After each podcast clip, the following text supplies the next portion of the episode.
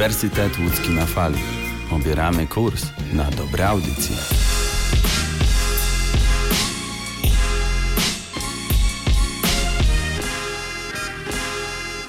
Cześć, tu Uniwersytet Łódzki na Fali i Eliza Matusiak.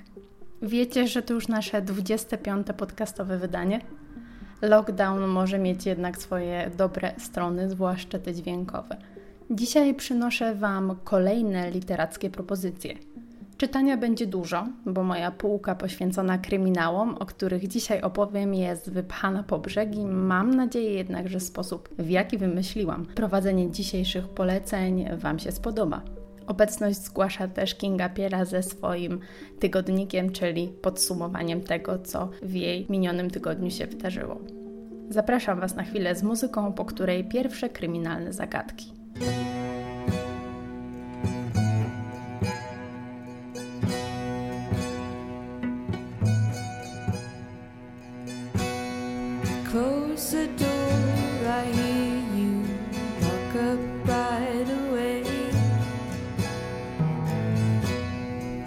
Eyes looking at me through the window pane,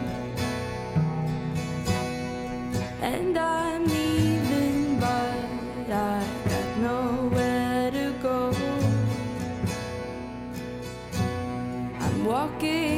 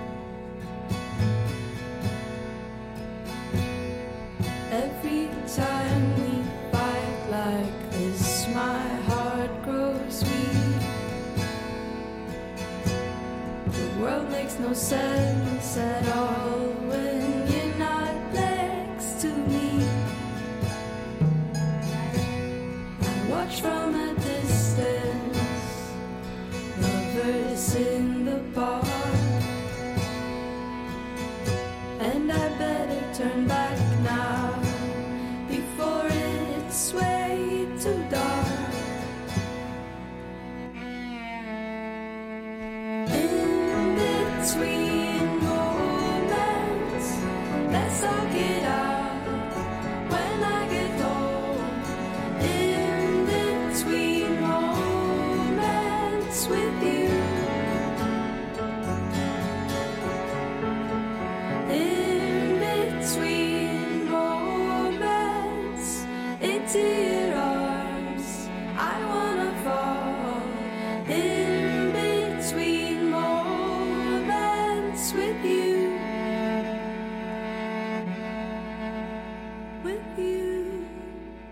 Podobno kryminały można zaliczyć do kultury niskiej, nieszczególnie wymagającej, ale zawsze to pojęcie wydawało mi się jakieś zupełnie bez sensu, ten podział abstrakcyjny i nie na miejscu, a w dyskursie akademickim jest już raczej umarłe, więc wydaje mi się, że do kryminału można podejść i trzeba podejść zupełnie nie pejoratywnie. Dla mnie ten rodzaj literatury jest wyjściem doskonałym, kiedy chce się wciągnąć, podążać tropem i mordercy, i detektywa, a przede wszystkim odpocząć i zmęczyć się jednocześnie. To zdecydowanie takie książki, które czytam dla przyjemności. Moja przyjemność czytania kryminałów to jednak dosyć wąskie grono autorów, których można zaliczyć do Nordic Noir. Jeśli czytacie bądź oglądacie kryminały, to pewnie termin ten jest Wam dobrze znany, ale dla niewtajemniczonych Nordic Noir to nurt powieści i filmów kryminalnych, który obejmuje twórczość autorów szwedzkich, norweskich, duńskich, fińskich i islandzkich. Zjawisko to doprowadziło do renesansu powieści kryminalnej na początku XXI wieku, ale rozpoczęło się oczywiście wcześniej. Poniekąd właśnie dzięki autorom tego nurtu możemy mówić o wysokim poziomie literatury kryminalnej teraz. I nurt ten trafia do mnie szczególnie właśnie przez ten skandynawski, surowy, trochę zimny klimat, który idealnie wydaje mi się pasować do powieści kryminalnej, który może być doskonałym tłem dla jakiejś strasznej zbrodni. Piękno może spotkać się z tragizmem. Lata 70. to czas, kiedy w skandynawskiej powieści kryminalnej zaczęło dziać się coraz lepiej, coraz ciekawiej, jednak dopiero wydanie trylogii Millennium Stiga Larsona to moment przełomowy w rozpoznawalności kryminałów północy. Trylogia sprzedała się w łącznym nakładzie 27 milionów egzemplarzy w 40 krajach, więc sukces jest ogromny. I to zwróciło trochę oczy świata w kierunku właśnie kryminalnych powieści z północy. Co bardzo dla Nordic Noir ważne, to fakt, że oprócz wątków czysto kryminalnych poruszane są szeroko rozumiane problemy społeczne, socjologiczne, wpływy innych kultur, imigracja, feminizm, rasizm, seksualność czy kwestie polityczne. Zatem te książki nie są nastawione tylko na rozwiązywanie zagadki morderstwa, ale na wykorzystanie takiego wątku jako pretekstu do nakreślenia szerszego kontekstu sytuacji społeczno-politycznej. Jednym z moich ulubionych autorów, którzy reprezentują Nordic Noir i w moim odczuciu nie napisali jeszcze złej książki, jest UNESCO. Norweg o niezwykłej umiejętności kreowania postaci, których życiorysy i doświadczenia angażują mnie mniej niż same zagadki, czego przykładem jest oczywiście Harry Hull. Zacznę jednak trochę na opak od książki, która nie jest częścią cyklu z Harrym Hullem, czyli od Macbeta. Szekspirowski Macbeth to zdecydowanie dobry trop, kiedy słyszymy o tym wydawnictwie. Książka ta jest efektem projektu Shakespeare, w którym autorzy z całego świata, tacy jak Nesbo właśnie czy Margaret Atwood, adaptowali według swojego stylu i wizji teksty Szekspira. Macbeth Nesbo to lata 70., skorumpowane miasto pełne przestępców, w którym nikt nie jest bezpieczny, Macbeth jest jednym z niewielu nieprzekupnych policjantów i pracuje jako dowódca jednostki specjalnej. Po wyjątkowo niebezpiecznej akcji przeciwko handlarzom narkotyków zaczyna piąć się po szczeblach kariery, osiąga kolejne sukcesy, w czym wspiera go Lady, piękna i wpływowa właścicielka kasyna. Mężczyzna w młodości zmagał się z problemem narkotykowym, ale uzależnienie od władzy okazuje się być jeszcze bardziej niebezpieczne, jeszcze bardziej wyniszczające. Klimat książki jest mroczny i lepki, niczym Sin City, mimo że Nesbo uniwersalizuje i pokazuje, że szlachetne postacie mogą upaść, to od banału trzyma się zdecydowanie z daleka. Macbeth jest historią o uzależnieniu od władzy, ale też o zmaganiach z własną osobowością i zupełnie nową wersją szekspirowskiej wizji, chociaż zupełnie się od niej nie odcina. Ta książka jest gęsta, mroczna, nadaje Macbethowi zupełnie innego klimatu i zdecydowanie lepiej czytało mi się Macbeta Nesbo niż Macbeta Szekspira. Zajrzyjcie do niej, bo naprawdę warto.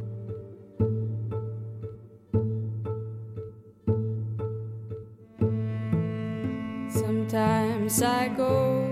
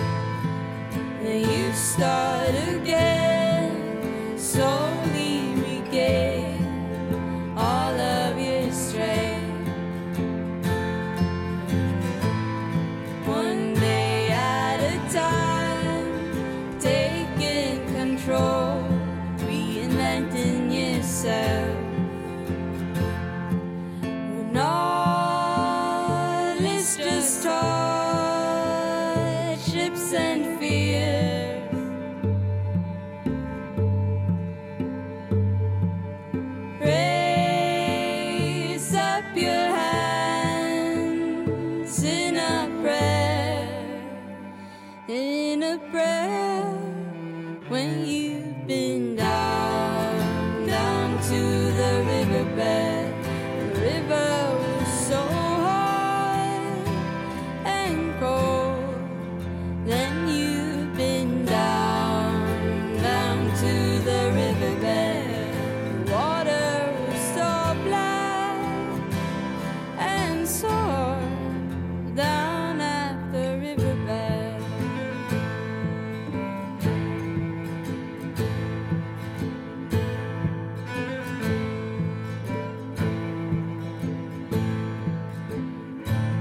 Wracam do Nordic Noir i UNESCO. Pora na serię z Harem Hulem. Mimo, że bohater pojawia się dotychczas aż w 12 książkach, to nie sposób się nim znudzić. Przeciwnie, Harry to taki bohater, którego da się uwielbiać, który jest tak samo interesujący jak przerażający czasami, którego nie zawsze się da zrozumieć, bardzo rzadko da się zrozumieć, ale który fascynuje, który wciąga i słucha dobrej muzyki. Przygodę z Harem Hule otwiera Człowiek Nietoperz, książka bardzo dobra, jednak w moim odczuciu najsłabsza z całej serii, ponieważ Harry przebywa wówczas w Sydney. A jednak klimat Oslo i sposób w jaki Nesbo ukazuje to miasto jest dla mnie jednym z ważniejszych składników serii z Harrym. Nie zniechęcam jednak do Człowieka Nietoperza, wręcz przeciwnie. Zapowiadam po prostu, że im dalej, tym lepiej. Nesbo w jednym z wywiadów mówił, że pomysł na postać Harego wpadł mu do głowy podczas wielogodzinnego lotu do Australii, z Oslo do Sydney właśnie. Wtedy stworzyłem Harego, mówi, choć nie wiedziałem tak naprawdę kim będzie i jaki będzie. Miałem tylko pewną wizję, jaki będzie mój bohater. Wtedy stworzyłem młodego policjanta alkoholika. Początkowo Harry nie miał być głównym tematem mojej powieści, ale stało się inaczej. Nie planowałem tego tak jak nie planowałem serii książek z Harrym. Harry powstał trochę z moich obserwacji życia, a trochę w nim fikcji i fantazji. Dałem mu sporo z siebie, ale jednak się różnimy. Harry stąpa po kruchym lodzie, po bardzo cienkiej granicy między dobrem a złem. Cały czas jest między miłością a toksycznym uczuciem. Jest pełen kontrastów i skrajności. Dlatego też trudno wybrać mi jest jedną ulubioną książkę z serii z Harrym, którą mogłabym Wam polecić, bo wszystkie są po prostu świetne, a ten bohater pełnowymiarowy. Konstrukcyjnie wyróżnia się jednak miniseria w serii, czyli trylogia składająca się z Czerwonego Gardła, Trzeciego Klucza i Pentagramu. Każde z tych wydawnictw ma swoją własną, indywidualną historię, a trylogię scala wspólna opowieść, która rozgrywa się w przestrzeni trzech pozycji. Akcja powieści toczy się w dwóch płaszczyznach czasowych: w okresie II wojny światowej pod Leningradem i w Wiedniu i współcześnie względem czasu powstawania powieści w Norwegii, a także epizodycznie w Szwecji, Niemczech i RPA na przełomie lat 1999 i 2000. Czerwone gardło, klucz i pentagram pozwalają już dość dobrze Harego poznać, zaprzyjaźnić się z nim, bo dzieje się w tych powieściach bardzo wiele także w życiu prywatnym detektywa i też trochę jego praca, trochę, bardzo oddziałuje na e, właśnie życie prywatne, co go wytrąca z bardzo niestabilnej zresztą równowagi, którą czasem udaje mu się osiągnąć. Te trzy tytuły to taka esencja i Harego, i klimatu Oslo, który jak nikt inny Nesbo potrafi zobrazować. Zachęcam Was do sięgnięcia po każdy z tych tytułów i po wszystkie książki z Harem. A czy czegoś z Harem nie warto polecać? Zdecydowanie filmu Pierwszy Śnieg. Bardzo mi daleko do takiego typowego narzekania na ekranizację, bo i literatura, i kino rządzą się zupełnie innymi prawami i przełożenie książki jeden do jeden na ekran jest albo niemożliwe, albo spektakularnie nieudane i najczęściej po prostu bez sensu. Jednak Pierwszy Śnieg to film po prostu zły. Nielogiczny, dość o zgrozo nudny, Harry jest tam znikąd, bo nie mamy całego tła, które daje przeczytanie wcześniejszych części, więc wiele jego zachowań dla kogoś, kto nie zna książek, są po prostu bez sensu, a jednak film powinien być jakoś autonomiczny. Zdjęcia są nijakie, klimat rozmywa się zupełnie, zatem w tym wypadku zdecydowanie wybierzcie książkę.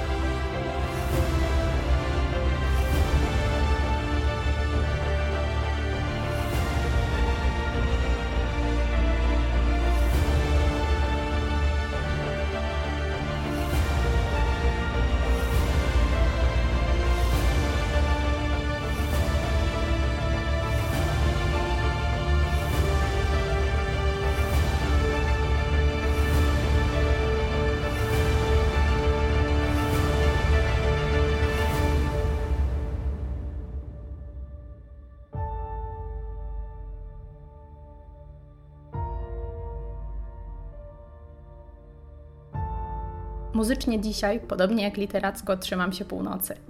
Kolejnym z bardzo znanych i jednocześnie bardzo dobrych autorów powieści kryminalnych jest Henning Mankell.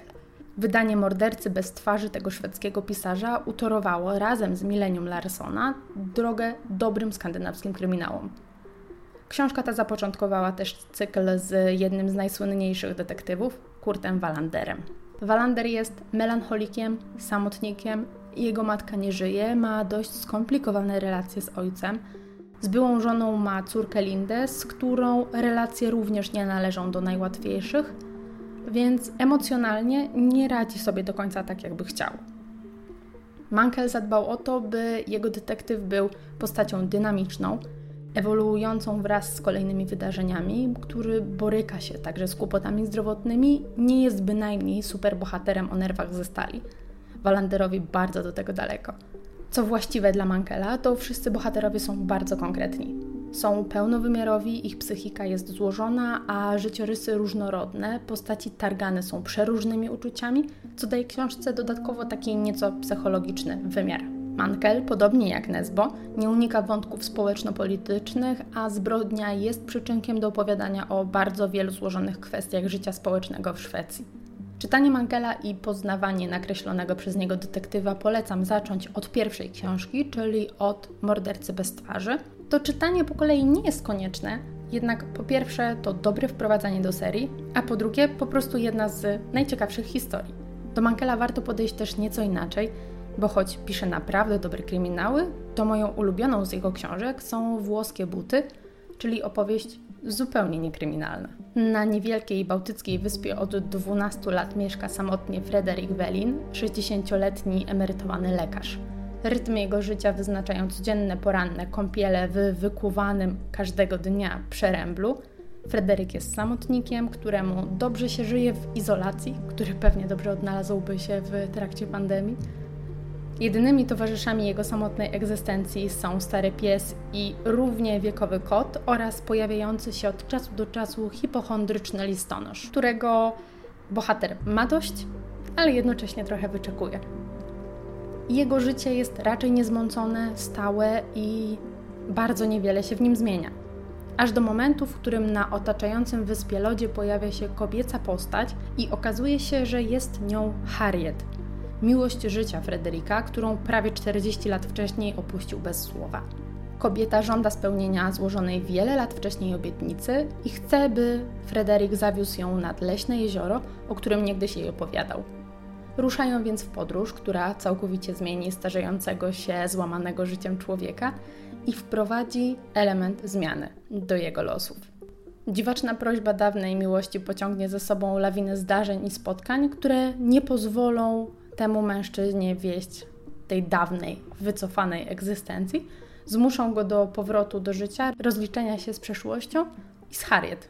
Narracja tej książki, podobnie jak życie bohaterów, jest niespieszna, nieco surowa, poddana klimatowi tego miejsca. Dzięki temu można delektować się jej atmosferą, poznawać bohaterów, obserwować, jak oni poznają siebie na nowo, siebie nawzajem i siebie samych. Przeczytałam kilka recenzji tej powieści i w jednej z nich znalazłam zdanie, że to najnudniejsza książka, na jaką autor recenzji kiedykolwiek trafił. O jak też się nie zgadzam. Rzeczywiście, we włoskich butach nie dzieje się wiele, bo też nie ma się dziać.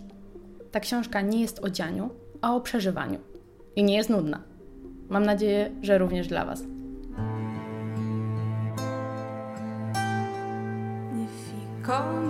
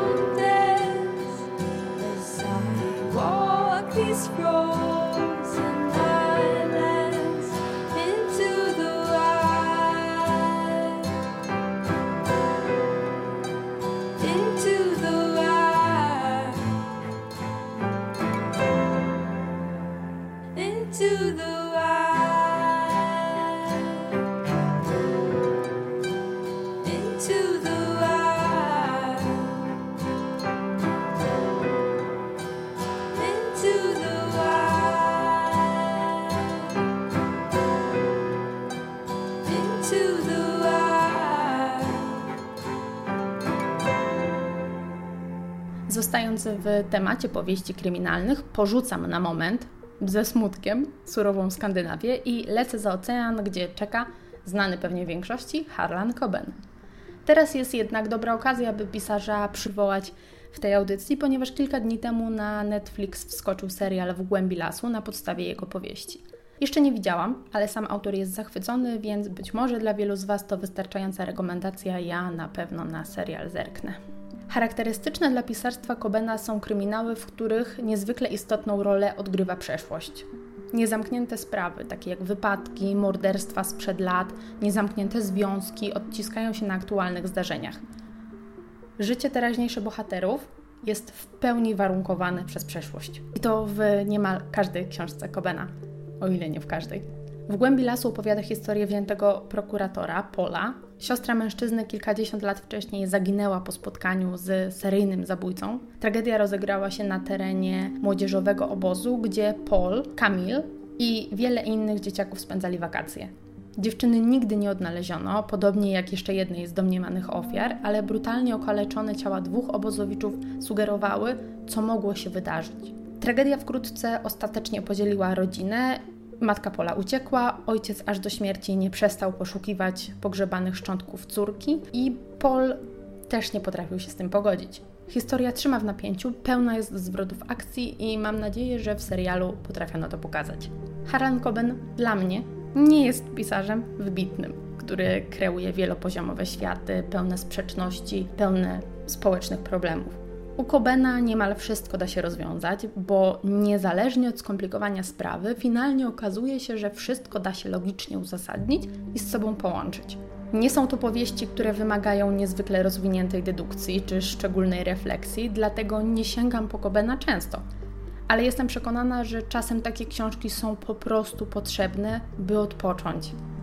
Dobrze jest od czasu do czasu przeczytać coś, co porządkuje rzeczywistość, co układa klocki w spójny sposób i gdzie nie ma miejsca na winę bez kary. Wyjątkowo lubię sięgnąć po taką powieść, kiedy skończę jakiś trudny reportaż, który udowadnia, że świat nie jest czarno-biały, że świat nie jest do poskładania.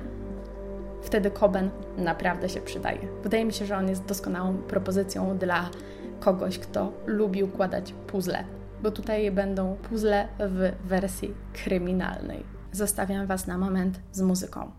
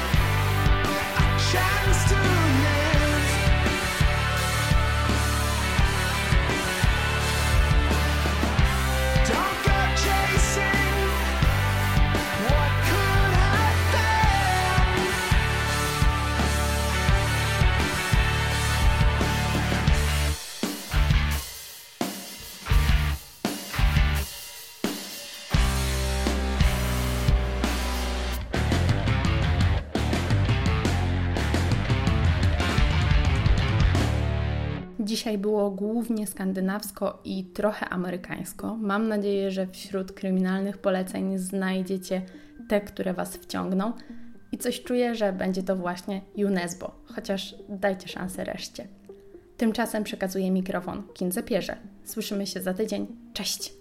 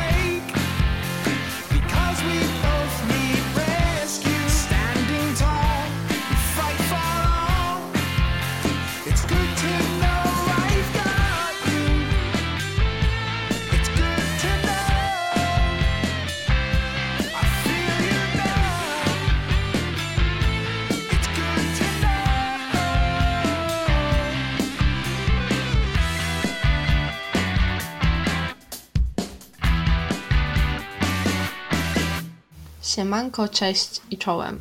Tutaj Kinga i ponownie przychodzę do Was ze swoim podsumowaniem.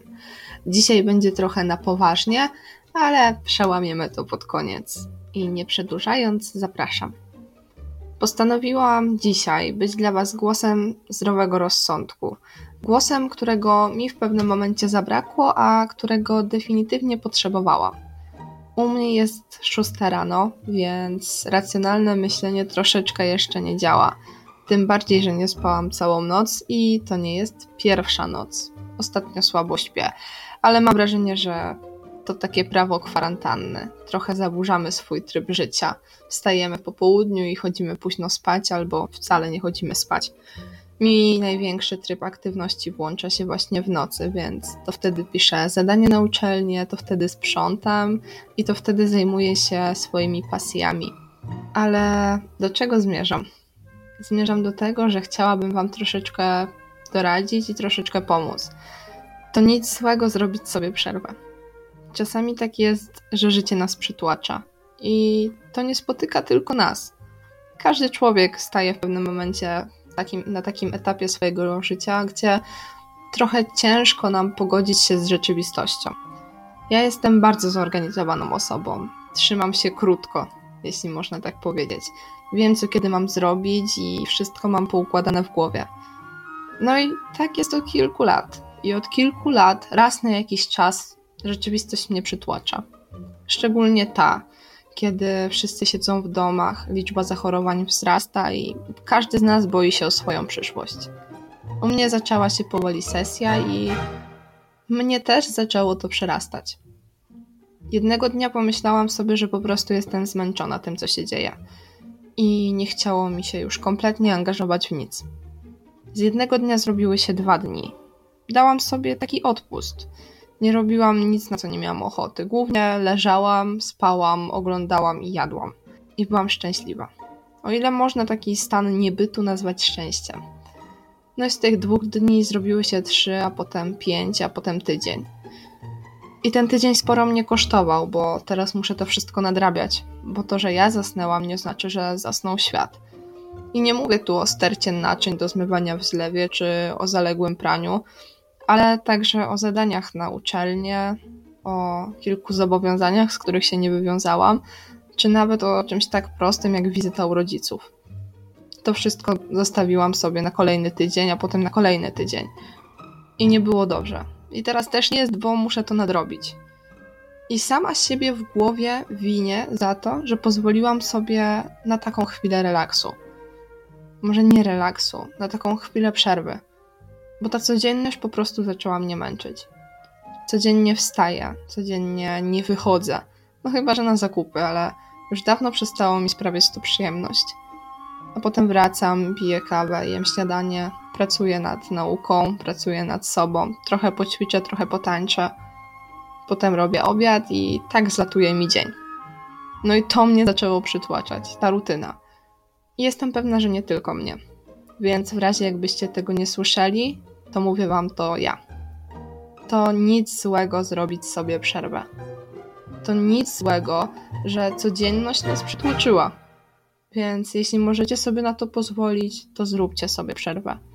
Czasami zdrowo jest po prostu odpuścić na moment. Takie przerwy to oczywiście nie są dobre zalecenia. To nie jest coś, co polecam osobom, które chodzą do pracy i muszą na czas wywiązać się ze swoich zadań. Ale jeśli nie możecie tak odpuścić, to po prostu zróbcie sobie wolny wieczór. Albo weźcie jeden dzień wolnego. Bo czasami tak niewiele potrzeba dla waszego zdrowia psychicznego. A uwierzcie mi, często jest ono ważniejsze niż to zdrowie fizyczne. No i koniec z ponurymi tematami, a przynajmniej taką mam nadzieję, bo przechodzimy do książki na ten tydzień. Jeśli jesteście jeszcze ciekawi, to skończyłam serię After, o której mówiłam w przedpoprzednim tygodniku. Czy to jest poprawne sformułowanie? Na pewno muszę to sprawdzić. Ale mówiłam o tym jakiś czas temu i skończyłam tą serię. Tak jak myślałam, nie zaskoczyła mnie ona pozytywnie, ale też nie mogę nazwać tych książek kompletnie negatywną literaturą.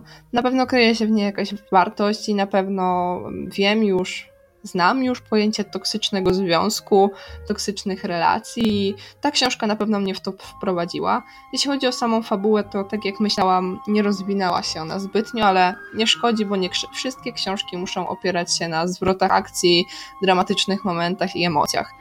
Ta książka była prosta i łatwa. Idealna na kwarantannę. Nie za dużo o niej myślałam, po prostu sięgałam po nią w wolnych chwilach, a nawet gdy zrobiłam sobie dłuższą przerwę od niej, to nie musiałam wytężać myśli nad tym, co się działo, bo fabuła była po prostu prosta. także Anna Todd i jej seria After. Zdecydowanie myślę, mogę polecić znudzonym osobom. Chyba, że szukacie czegoś ambitnego, to wtedy szukajcie dalej. A więc tak, to było trochę negatywne, ale teraz o pozytywnej książce. Może nie tyle książce, to co pewnym zbiorze. Książkę tę, zbiór ten kupiłam w antykwariacie za jakieś 5 zł.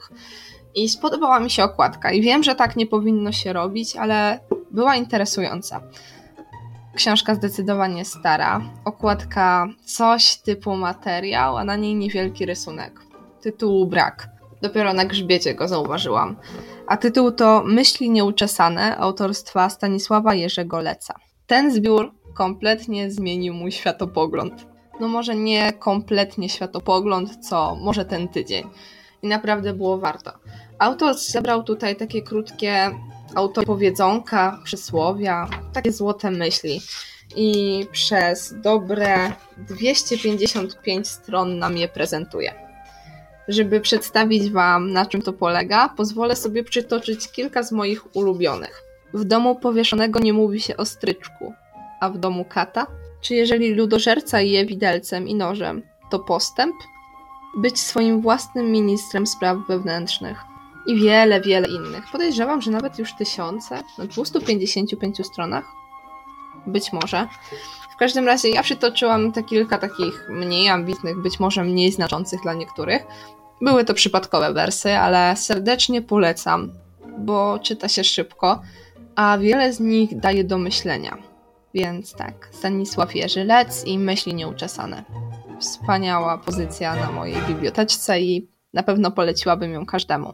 Może dlatego, że ten zbiór zawiera również wiele powiedzonek o dziennikarstwie i wiele złotych myśli, które definitywnie wzięłam do siebie i które dały mi mocno kopa do działania. Zastanawiałam się nad swoją przyszłością i robiłam to pierwszy raz od bardzo dawna. Bo ostatni raz, kiedy myślałam na poważnie o swojej przyszłości, to chyba podczas matur. I w tym miejscu chciałabym życzyć powodzenia tegorocznym maturzystom, a jeśli już mają matury za sobą, to gratulacje dla Was. Ale tak, właśnie po maturze najbardziej myślałam o swojej przyszłości. I niewiele z tego wychodziło tak naprawdę. Złożyłam papiery na studia i tak naprawdę nie dostałam się na studia, które były moim pierwszym wyborem.